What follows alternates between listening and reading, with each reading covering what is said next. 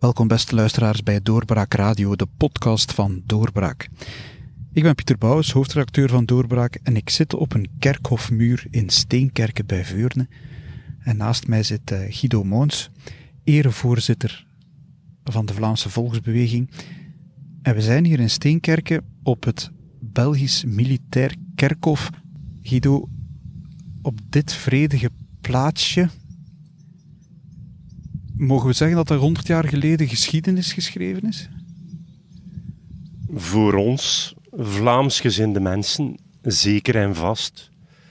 Dit was dus de locatie waar de allereerste ijzerbedevaart is doorgegaan.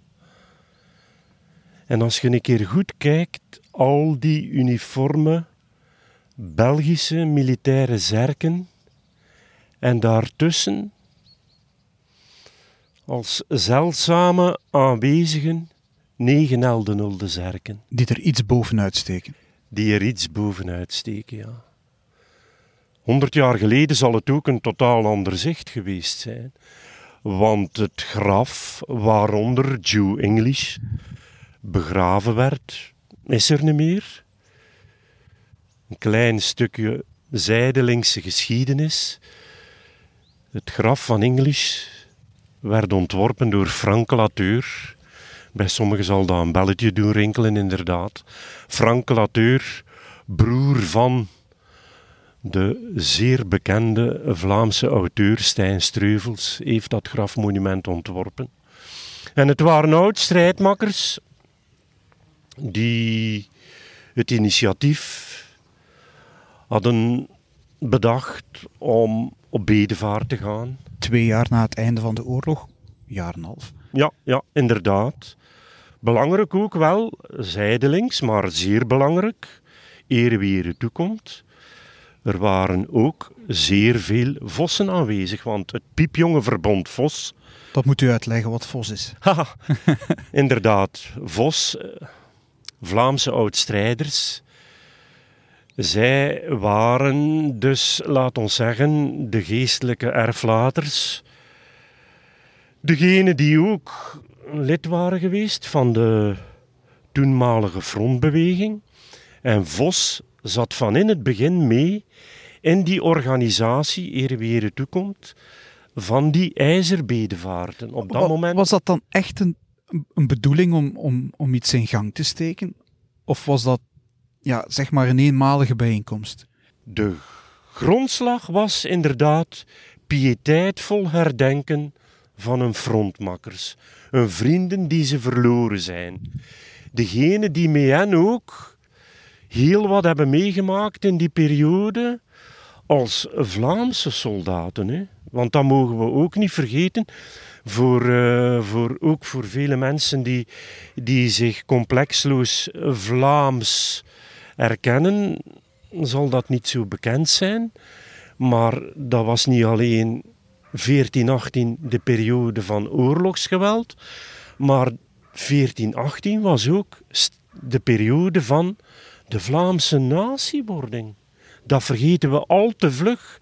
En ik weet wel, dat klinkt zeer zwaar, maar Vlaanderen zoals we Vlaanderen vandaag de dag kennen, is begonnen in de loopgrachten aan de IJzer, is begonnen met die frontbeweging, is begonnen met die bedevaarten. Dit jaar, 100 jaar geleden, eerste bedevaart naar het graf van Joe English. En, en wie was die Joe English dan, dat, dat uitgerekend op zijn grafplaats die eerste bedevaart plaatsvond? Joe English heeft zeer veel bijgedragen aan het imago van die clandestine Vlaamse frontbeweging. Heeft veel bijgedragen tot de vorming van dat secretariaat van de katholieke Vlaamse hoogstudenten. Want dat waren natuurlijk ook in het begin jonge Vlaamse intellectuelen. Voor sommigen van hen, als ik dat woord mag gebruiken, was dat werkelijk een cultuurshock. Hè? Een ontmoeting met, met, met die analfabeten, ongeletterde arbeiders, jonge arbeiders, ongeletterde boerenknechten. Mensen waar ze waarschijnlijk in een periode van vrede die ze nooit zouden ontmoet hebben, maar nu stonden ze daar met of tegen hun zin, schouder aan schouder, in die loopgrachten aan de IJzer. En werden ze geconfronteerd, ieder op zich, met die, met die, ja, met die Franstalige bevelen, die miskenning ook. Eh, Kwam Joe English dan uit die Nee, hoogstudentenklasse of uit die andere? eh, hij kwam uit een welgesteld gezin. Hij was een jonge kunstenaar. Hij had de prijs van Rome geworden, eh, gewonnen. Een opkomend talent. Een opkomend talent. Die daar ook meegesleurd wordt in die maalstroom van die Eerste Wereldoorlog. Die daar op een of andere manier te werk gesteld wordt. Moet daar ook eh, wegen mee herstellen. En zijn handen, wat dat voor hem zijn toekomst is en zijn broodwinning, bij manier van spreken. En hij raakt, ja, hij raakt gekwetst. En hij raakt op een of andere manier in contact met professor Frans Daals. En die neemt hem een stukje in bescherming en maakt dat hij inderdaad weg kan. En dat hij, laat ons zeggen, een voor hem een betere job heeft.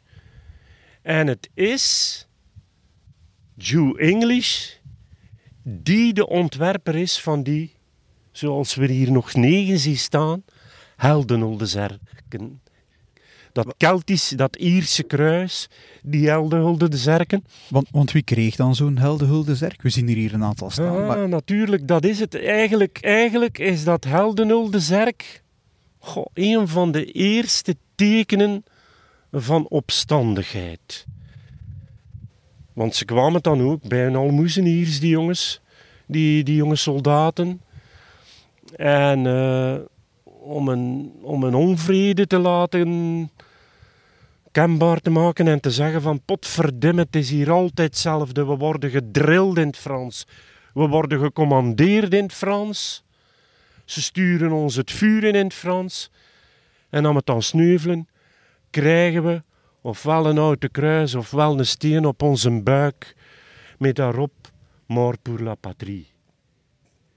En eh, zij komen bij een almoezenier en dat komt ook aan de oren van Frans Daals. En dat komt ook aan de oren van dokter Joseph Verdun, die ook legerarts was. En die dan ook in contact staan met een pastoor van Alveringem, een onderpastoor, Cyril Verschaven. En daar ontstaat het idee van, zouden we niet die gasten die dat willen, een graf geven, ere wie ere toekomt. En Daal zegt, ja, maar ik ken iemand. En hij gaat, hij gaat met dat gedacht bij Joe English. En Joe English zet op papier iets en van de eerste keer is het prijs. Oké. Het Heldenolde Zerk, het AVV, VVK, daaronder de blauwvoet. Natuurlijk het symbool van de Vlaamse studenten, maar ook in die periode het symbool geworden van de Vlaamse opstandigheid. Tegen de stroom in, tegen de wind in. Ze gaan ons hier niet klein krijgen. En dat zien we hier vandaag nog. En eigenlijk, dan heeft hij nog. Oh, English heeft ook de tekeningen, echt de prachtige tekeningen gemaakt voor het missaal van de Vlaamse frontsoldaat. Dat ook eh, is een initiatief is van het secretariaat van de katholieke Vlaamse hoogstudenten. Heeft talloze tekeningen gemaakt die, die vorm gaven aan, aan, aan die gedachte van die opstandigheid. Ook gewone spotprenten, ludieke prenten. Er zijn van hem tekeningen gekend met de figuur van Uilenspiegel. En eigenlijk zo is Joe English, zonder dat hij het eigenlijk zelf goed beseft heeft, is van ontzettend belang geweest voor die frontbeweging, voor, voor die, die ontluikende Vlaamse beweging daar aan het front. En is hij het gezicht geworden. En natuurlijk eigenlijk een icoon is dat Eldenolde Zerk. Maar hij lag hier op het militair kerkhof. Ja, Dus Klopt. hij heeft de oorlog niet overleefd. Nee, nee, nee, nee. Hij is veel te vroeg gestorven aan een... eh, Maar hij is niet gesneuveld. Nee. Gestorven aan een slecht verzorgde blinde darmontsteking. Dokter Daals is er dan bijgeroepen, maar het was veel te laat. En dan is hij uitgegroeid tot een van die symbolen, ijzersymbolen. Ja, ja, ja, ja. Naast andere, want vergeet niet, die allereerste bedevaart, dat was een driedaagse, de vierde, zaterdag 4 september, zondag 5 september. Natuurlijk het belangrijkste deel. Groet aan het graf van English. En dan de maandag. En de maandag waren dat de studenten. Raar maar waar, je kunt ons niet voorstellen. Studenten, oud-strijders. Kerels die opnieuw de studie hadden opgevat. En die trokken naar het graf van de gebroeders van Raamdonk. Toen al in Steenstraten. Hier een paar kilometer verder. Ja. En dat is dan de tweede bedevaart geworden. En dat waren er ook nog een paar honderd. Want we moeten ons... Velen van ons zullen misschien zo'n idee hebben en ze waren daar met ik weet niet hoeveel. Nee, dat waren er die eerste paar bedevaarten. De weinige geschriften die we erover hebben. Ook bij onze vrienden van het Verbond Vos kunnen dat nagaan. Dat waren er maar een paar honderd. Vergeet niet, dit was nog tot in de diepste vezels een getekend land. Het, lag, het land lag nog in puin in De verwoeste 1920. gewesten. De verwoeste gewesten, inderdaad. De heropbouw was pas goed begonnen. Dus dat was, denk ik, Reizen, al een heel avontuur. Ja, inderdaad. reizen was ook niet evident. Ja, wie had er een auto? Wie kon er zich veroorloven om een auto te besturen? Ik weet het niet. In ieder geval, ze geraakten hier. Het is toch een, bijzonder, ja, een bijzondere plaats. Niets op dit kerkhof herinnert daaraan. Nee, nee, nee. Alleen de aanwezigheid van die negen heldenolde die dan eigenlijk, ja, Zelfs geen plakkaatje hier was in 1920 de eerste ijzerbedevaart. nee, nee, nee, nee, nee, nee, nee, nee. Eigenlijk, eigenlijk zou daar toch, vind ik, de geschiedenis heeft zijn rechten. Zou hier eh, eigenlijk eens een plakkaat, een herinnering aan die eerste ijzerbedevaart mogen gezet worden. Historisch gezien eh, heel belangrijk. Een jaar later Ja, is ja. men opnieuw samengekomen. Waren dat de- dezelfde mensen? Ja, en al, en al wat meer, hè, en al met maar meer. Vergeet niet En dat eh, was aan het monument van de gebroeders van Raamdonk. het graf van de gebroeders van Raamdonk. Zoals we het nu... Allee, dat grafmonument staat er nog altijd. Misschien Belangrijk daarbij, belangrijk daarbij is dat er op dat moment al een, zowat een, een inrichtend comité Mhm. gevormd wordt. En wie speelt daar een sleutelrol in? Clemens de Lancier. Mhm. Clemens de Lancier, die dan later, een paar jaar later, wanneer werkelijk die vereniging wordt opgericht van bedegraven naar de IJzer, naar de graven van de IJzer, die daar de eerste secretaris zou worden. Clemens de Lancier was niet alleen dorpsgenoot van de gebroeders van Raamdonk, uit Temse, maar hij was ook een neef. Hmm. En hij was een, eh, een gewikste kerel, mag ik wel zeggen. Want die is dan later, naarmate de ijzerbedevaart meer gestalte kreeg en men fondsen trachtte te werven, is Clemens de Lancier de drijvende kracht daarachter geworden, die ook met een film, stel het u voor zeg, een film, onze jongens aan den ijzer, het land rondtrok, die eerste brochures geschreven heeft, die natuurlijk ook de grondslag gerecht heeft en een stuk, we moeten eerlijk durven zijn, rond die mythevorming hè, van de van gebroeders. die, van niet alleen van de gebroeders van Raamdonk, maar van de ijzersymbolen als dusdanig. Misschien een goede gelegenheid om eens door te rijden naar Steenstraten. Oké, dat gaan we dan doen. Ondertussen zijn we in Steenstraten aan het monument van de gebroeders van Raamdonk. Een, eh, een groot ja, betonnen monument met AVV, VVK en een kruis. Eh, hier zouden de gebroeders van Raamdonk gesneuveld zijn. Laat ons daar eens over beginnen. Wie zijn dat en, en, waarom dan de gebroeders van Raamdonk? Wat, wat maakt hun sneuvelen zo bijzonder? Ja, dat waren ook twee jonge kerels uit Temse. Uit een uh, gegoede burgerfamilie. Uh, talentvolle studenten die vrijwilliger geworden zijn tijdens Wereldoorlog 1. En Frans van Raamdonk kon ook goed overweg met de pen. Want we zien hier zijn legendarische uitspraak staan. En als ik val, dan eerst voor Vlaanderen. In die tijd uh, was zo'n uitspraak toch niet min. Het bewijst ook eh, dat die jonge gestudeerde kerels meer nog misschien dan de anderen gewaar werden van wat, wat gebeurt er hier?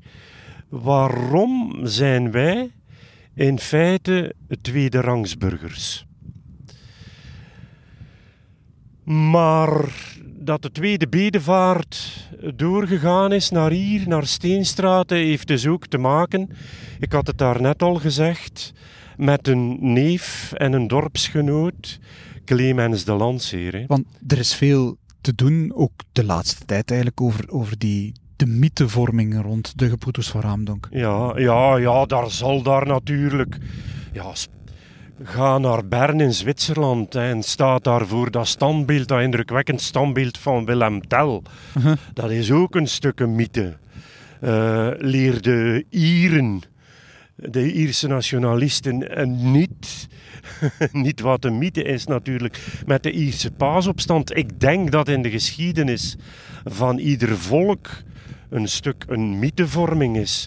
Maar wat heeft het zo, het verhaal van de gebroeders van Raamdonk, zo indrukwekkend gemaakt? Is natuurlijk het verhaal van een broederliefde. De een die bij een achterlijke reet uh, is achtergebleven, dan bij het terugkeer in veilige stellingen wordt de ander geconfronteerd met het feit dat er zijn broer niet bij is. Die is op zoek gegaan. En later heeft men dan hen beiden allebei teruggevonden, volgens het verhaal, in elkaars armen. In een buurt is dan ook de Waal Amé Fivier begraven, die samen met hen dan eerst hier en later dan ook op de IJzerweide onder de IJzertoren, de crypte, begraven is. Ook een facet dat niet mag vergeten worden is de de legendarisch geworden tekening, opnieuw van Jew English. Waar we daarnet waren, ja. Als je de naslagwerken er eens op nakijkt, waaronder ook het gekende boek 60 keer op bedevaart naar de IJzer, naar aanleiding van de 60ste IJzerbedevaart. Volk wordt staat. Een van de auteurs is de vroegere standaardjournalist Paul van den Driessen. Dan kunnen we lezen dat er daar uh, toch al uh, een paar duizend aanwezigen waren. Dus dat won. Die tweede bedevaart in 1921 dan? Die tweede bedevaart in 1921. Dus dat won al aan spankracht. Het was al meer georganiseerd. De inbreng van het Verbond Vos was dus daarin ook zeer belangrijk. Kan je dan zeggen dat er echt ook gemobiliseerd werd om daar naartoe te komen? Ja, zeer duidelijk wel. Zeer duidelijk wel. Vergeet niet. Uh, de wortels van Vos die in die frontbeweging lag. Want dat is ook een verhaal apart waar ik toch nog even op wou terugkomen. Hè? Want in feite, als je die hele geschiedenis bekijkt, zowel het verhaal van die frontbeweging als van de geschiedenis van de ijzerbedevaarten, wat heeft dat groot gebracht en groot gemaakt, mee helpen groot maken? Is de stupide afkeer van het Belgische staatsbestel. Eh, eigenlijk... Wat bedoel je met stupide uh, Wel ja, een, een aversie die er groeide. En daarvoor wil ik eens zeer kort, als het mag, dat verhaal, zeer beknopt en onvolledig, dat verhaal vertellen van die frontbeweging. Ik heb dus uh, het met u al gehad over het feit van die, die cultuurshock van die jonge flaminganten die daar uh, aan de ijzer schouder aan schouder stonden. En dan ook al een, een aantal van hen die zei, ja maar we moeten daar toch iets aan doen. ook Verschaven. De Verschaven die nu, vandaag de dag, een stuk wordt uitgespuwd. En ik ga niet zeggen onterecht, maar als je de fantastische, eerlijke, goed geschreven biografie door Romein van Landschoot van Verschaven erop naleest, de figuur van Cyril Verschaven, kapelaan Verschaven uit Alveringem, in die periode, Eerste Wereldoorlog. Wereldoorlog 1, was een totaal andere figuur dan de Verschaven die, later, eh, die er later gekomen is. En Verschaven had geweldig veel invloed op die jonge studenten. Hij was een raadsman. Men kwam bij Verschaven bijeen op de kapelanij in Alveringem. En Verschaven zei tegen die kerels van, jullie hebben een verantwoordelijkheid tegenover die jongens. En zo zijn stilaan, niet alleen door Verschaven, laat ons wel wezen, maar op individuele basis, een almoezenier links en een brancardier rechts, die begonnen is met een paar jonge gasten om te zeggen, "Ah, wel, het is goed als je rustperiode hebt, in een café, een schoolgebouw, ergens eh, achteraf in een stal, zijn die studiekringen ontstaan die die, die die jonge gasten leerden lezen en schrijven. Dus eigenlijk het arme Vlaanderen, waar de Pilesen dan later in zijn, in zijn boek Mensen achter de dijk bijvoorbeeld ook op terugkomt. Ah, natuurlijk, het arme Vlaanderen waarover die jezuïet Pater Strakke het Ja. had. Dat was het, hè. Vergeet niet, Pieter, het jaar voor de oorlog. Vertrokken er in de Antwerpse haven met Red Star Line. Nog een 40.000 mensen, hè. Op de vlucht. op de vlucht. Het is de periode waarover niet alleen Op de eh, vlucht voor de armoede. op de vlucht voor de armoede, maar eh, die gekend was, de gordel van armoe, Diksmuiden, Tielt, Deinze, dan zijn we Oost-Vlaanderen, dan naar uw regio, Mhm. Ninove, Aalst. En wat was die gordel van armoe? Een streek die, die, waar er kleine huisnijverheid was, waar er geen grote industrie bestond. Hè? In Wallonië, het Waals, het Waalse steenkoolbekken, het- de Waalse metaalnijverheid, was op de vooravond van Wereldoorlog 1 de derde rijkste regio van de hele wereld. Kunt u dat voorstellen? Mhm. Daar waren er Vlaamse gastarbeiders, hè? in de mijnen, in de metaalnijverheid. Dus Vlaanderen was inderdaad het achteruitgestoken broertje, het achtergestelde broertje, waar er vele, vele, vele bittere armoe was. En alfabetisme was daar een van die kenmerken van. En dan had je zo die jonge kerels, zoals in de Piles zijn, zoals een medicus, dokter Frans Daals, nog een aantal anderen. Maar allemaal, ik zeg het in het begin, los van elkaar, die studiekringen. En dat was niet alleen eh, gasten leren lezen en schrijven, maar die organiseerden dan ook ontspanning, zangavonden. Er werden toneelbonden gevormd, heel schuchter in het begin. Maar het later gekende Vlaamse fronttoneel, onder leiding van de onvergetelijke Oscar de Gruyter, de man die aan de wieg staat van het eh, toneelleven ook in Gent, gaat vandaag de dag de Schouwburg binnen, ten TG. Je gaat de trappen op en je botst op het borstbeeld van Oscar de Gruyter, die daar ook bij betrokken was. En, en wanneer is dat dan politiek geworden? Wanneer is dat politiek geworden? En dan kom ik bij een eerste, wat je kunt zeggen, stommiteit van dat Belgisch staatsbestel. De bevelhebber toen was, was eh, generaal Wielemans, de opperbevelhebber van het Belgisch leger. Een witte raaf. Hij was Vlaming, hij was een katholiek. Hij sprak Nederlands. En Wielemans bekeek dat met een goedkeurend oog, want dat was natuurlijk positief. Op zijn bescheiden manier. Hij liet dat niet alleen toe, maar hij zorgde ook, ik weet niet op welke manier, maar dat dat gepromoot werd. Maar Wielemans stierf begin eh 17, vrij plots. En dan is de kentering gekomen, hè, met zijn opvolger, generaal de Keuning, bevelhebber van de dagorde, eh, bevel van de dagorde liever, studiekringen verboden, frontblaadjes gecensureerd. Frontblaadjes. Die gekende frontblaadjes die streeknieuws Ja. brachten. Hè. Je hebt daar Klokkeroeland voor de Gentenaars, de Poperingse Kijkop, het Limburg Studentenblaadje, Mhm. onze Temsenaars. Voilà. We komen opnieuw bij de gebroeders van Raamdong, die daarvoor actief waren. En dat viel onder de censuur van de bevelvoerende officier van de eenheid. Die moest kijken wat werd toegelaten, wat werd niet toegelaten. Maar die studiekringen werden verboden. Dus men maakte van een de deugd, men zocht elkaar op en men stroomlijnde dat, om dat werkwoord maar te gebruiken, zo goed en zo kwaad mogelijk in die periode, want we zitten midden in een oorlog. Mhm. Ze moesten alle dagen het vuur in, dus dat was niet evident. Men trachtte daar een, een, geheel van te maken met een hiërarchie, met een voorzitter. In die tijd sprak men over de ruwaard, dat was Adil de Beukelare. En met twee geheimschrijvers, vandaag de dag zouden we zeggen secretarissen. Hendrik Borgiron, de jonge student rechten.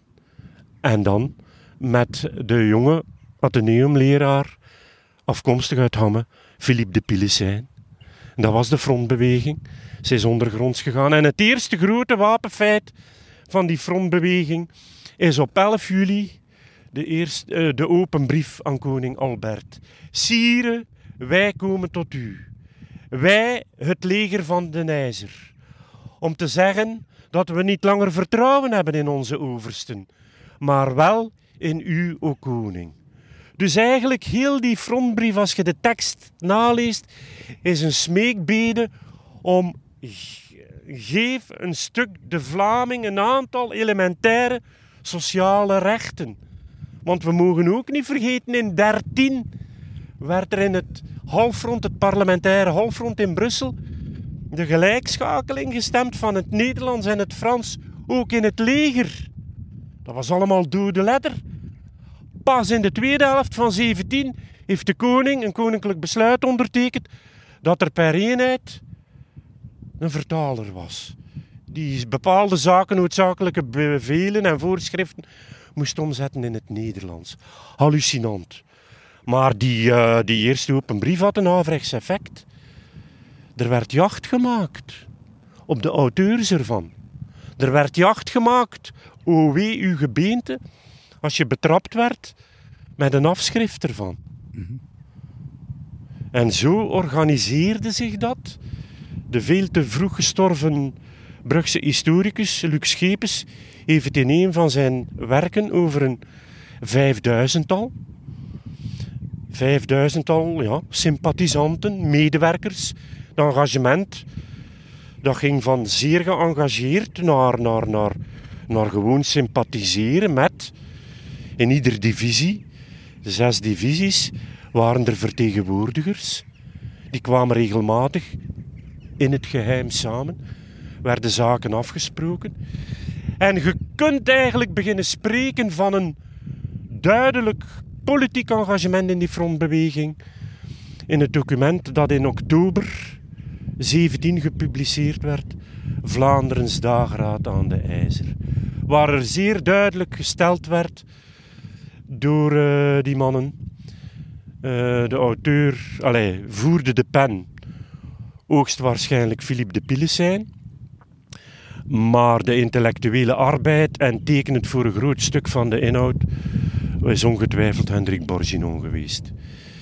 En waar men eigenlijk zegt van niet alleen we eisen Vlaamse regimenten met Vlaamse officieren, maar als de oorlog ene keer een oorlog voorbij is, de Gentse Hogeschool in het Nederlands, onderwijs in Vlaanderen in het Nederlands en Vlaanderen moet bestuurd worden in het Nederlands. Dat was natuurlijk een vloek.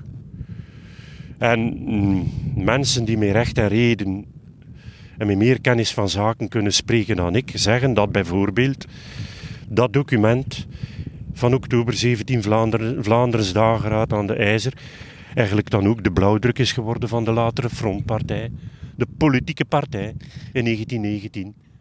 En als ze dan hier in 1921 bij elkaar kwamen, speelden die politieke eisen dan ook Ja, een rol? ja, ja, ja, ja, ja. Of, daar of was het vanaf toch dat nog moment. altijd meer... Toch wel. Ja, ja, ja. Frans Daals, dus die, de eerste voorzitter, professor Dr. Frans Daals, die dan de eerste voorzitter werd later van het, eh, het latere IJzerbedevaartcomité, van de bedevaart naar de graven van de IJzer, formuleerde hier zijn redenvoering In 1921. in 1921. Wij klagen aan. De eerste keer en Daals is daarvoor gekend dat opeenvolgende redenvoeringen wij klagen aan. Maar ook het woord werd er gevoerd door een Jérôme Luridan. Hé, Jérôme Luridan, zeer actief in Vos, jurist, afkomstig van Yper. Maar bijvoorbeeld voerde hier ook het woord Wart Hermans, een van eh, de houtakkers van de Orne. Kerels die verbannen werden naar strafkampen omwille van hun Vlaams gezindheid. Dus het is zeer duidelijk met, die, met, met eigenlijk die, die, die, die vervolging van die frontbeweging en die sanctionering van die mensen, want naar zo'n strafkamp gevoerd werden, zoals Hermans en tien anderen van hem, bomen gaan vallen in, bij, bij gelijk welke weersomstandigheden, dwangarbeid, laat ons duidelijk zijn, een ander woord kunt je niet noemen. Ja, dat is geen evidente zaak. Hè? En die kerels die werden dan maar eh, later vrijgelaten. Hè? Want op dat moment ook Wart Hermans, maar nog andere sprekers. Een van de eisen was daar ook amnestie voor onze kameraden. Hè? Maar ja, het woord amnestie doet bij ons een heel ander belletje rinkelen. Maar de bepaalde gasten Volgende oorlog. werden nog, werden nog gesanctioneerd omwille van hun, van hun engagementen. Hè? Omwille van hun engagementen in die frontbeweging. En wat was dat dan? Niet, zeker niet de revolutie preken, maar het verder zetten en schrijven in frontblaadjes. Dingen die stoorden, die het officiële systeem stoorden. Dus ja. Het is Maar, moeilijk, eh, moeilijk voorstelbaar langs de ene kant dat hier ja, 99 jaar geleden een paar duizend mensen zouden bijeengekomen zijn. Want het is, laat het ons in het mooi Vlaams zeggen, ook eh, the middle of nowhere. Tol van Pluto. Tol van Pluto, ja. Aan, aan de Yperlee-verbinding tussen de IJzer en Yper. Ehm, ja, waar, waar het eigenlijk ook niemandsland was in de, in de Eerste Wereldoorlog. Maar langs de andere kant kunnen wij ons dat wel voorstellen, want in, in een wei hiernaast is tegenwoordig de IJzerwaken, een, een bijeenkomst die uit de, die IJzerbedevaarten is, is voortgekomen. Ja, ja, de spijtige broedertwist van Diksmuiden, inderdaad. Maar vergeet niet, vergeet niet, daar wil ik ook nog even de aandacht op vestigen. Mhm. In 1920 gebeurde er nog een zware stomiteit door het Belgische staatsbestel. Er was een plechtige belofte gedaan door de koning dat de soldaten gehonoreerd zouden worden omwille van die vier jaren Mhm. die ze hier stand hebben gehouden aan de ijzer. Dus dat betekent ook een stuk financieel, een stuk eh, compensatie zouden krijgen. En er was dan in 1920, als ik niet mis ben, sprake dat de regering dat zou stemmen, een dotatie voor al die soldaten van 50 miljoen Belgische franken toen. Maar voor al die soldaten, jong. We spreken aan de IJzer, zou er een leger gelegen hebben van 200, om en bij de 200.000 soldaten.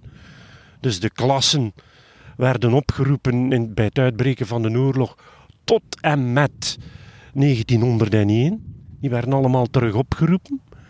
En dan hadden nog de vrijwilligers. Maar er kwam niks van.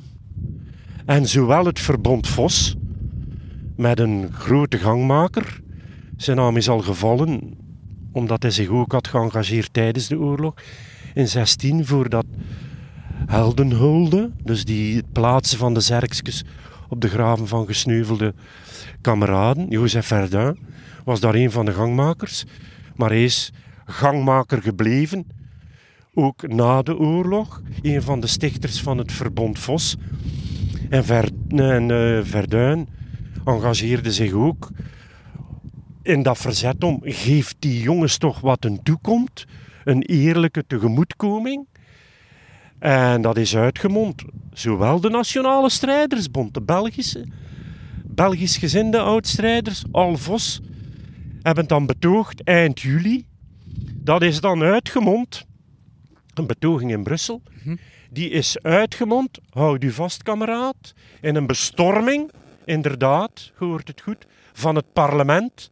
Ze zijn doorgedrongen tot in het parlementaire halfrond. En hebben daar ex-cathedra een boel bezet, ook met de nodige vossenvlaggen aanwezig, om een recht te eisen. Er werd natuurlijk gechargeerd door de Rijkswacht, want er waren al charges geweest. Ze mochten niet uit het park komen, dat hebben ze toch gedaan. Om een lang verhaal kort te maken, er zijn een aantal arrestaties verricht. Er zijn een aantal vossenvlaggen in beslag genomen. En Verduin, niet tegenstaande hij niet in het parlementaire halffront aanwezig was bij die bestorming, maar door zijn publicaties voor Vos werd gezocht en hij heeft ongeveer een maand in hechtenis gezeten. Hè.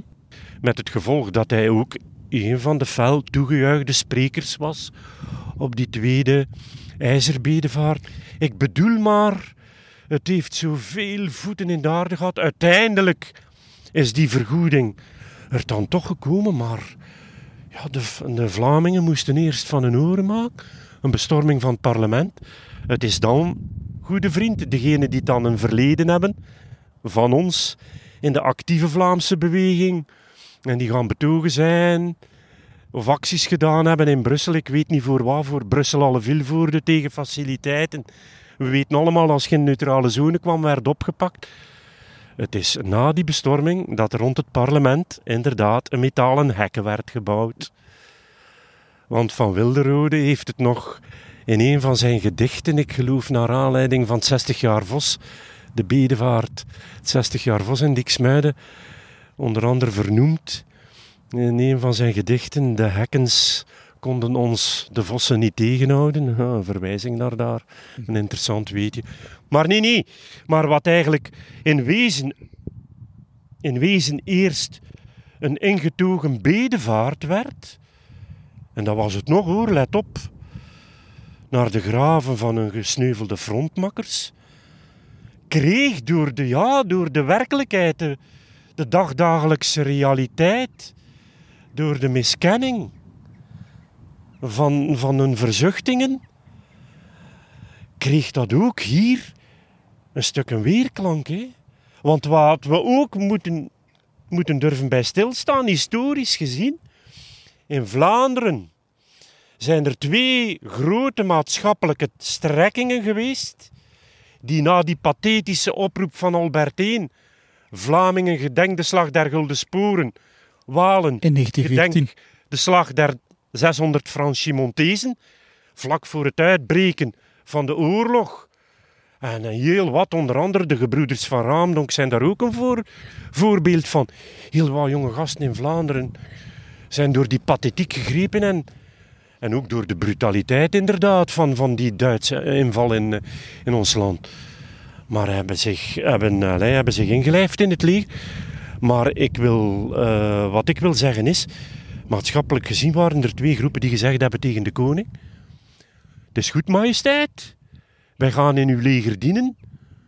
Maar op een voorwaarde. En de eerste groep, de grootste groep, waren de socialisten. Die zegden maar, gij geeft ons ons algemeen stemrecht. En de tweede groep, heel wat kleiner natuurlijk, op dat moment, waren de Vlamingen, de Vlaamsgezinden. Die zegden, en koning, dan geeft ge ons onze vernederlandste Gentse Hogeschool.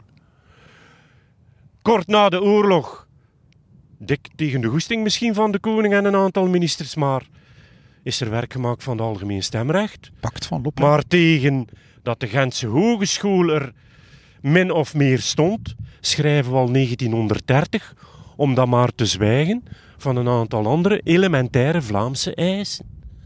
Want de slagzin Vlaamse beweging, sociale beweging, kunt je ook zetten in feite als een stuk, ja, een titel onder heel dat Vlaams arrangement van die frontbeweging en wat er nadien gebeurd is. Is dat niet inwilligen van die eisen ook een van de redenen waarom dat die frontbeweging dan eigenlijk ook een, een frontpartij geworden is? Inderdaad, inderdaad, inderdaad. Dat heeft zeer zeker meegespeeld.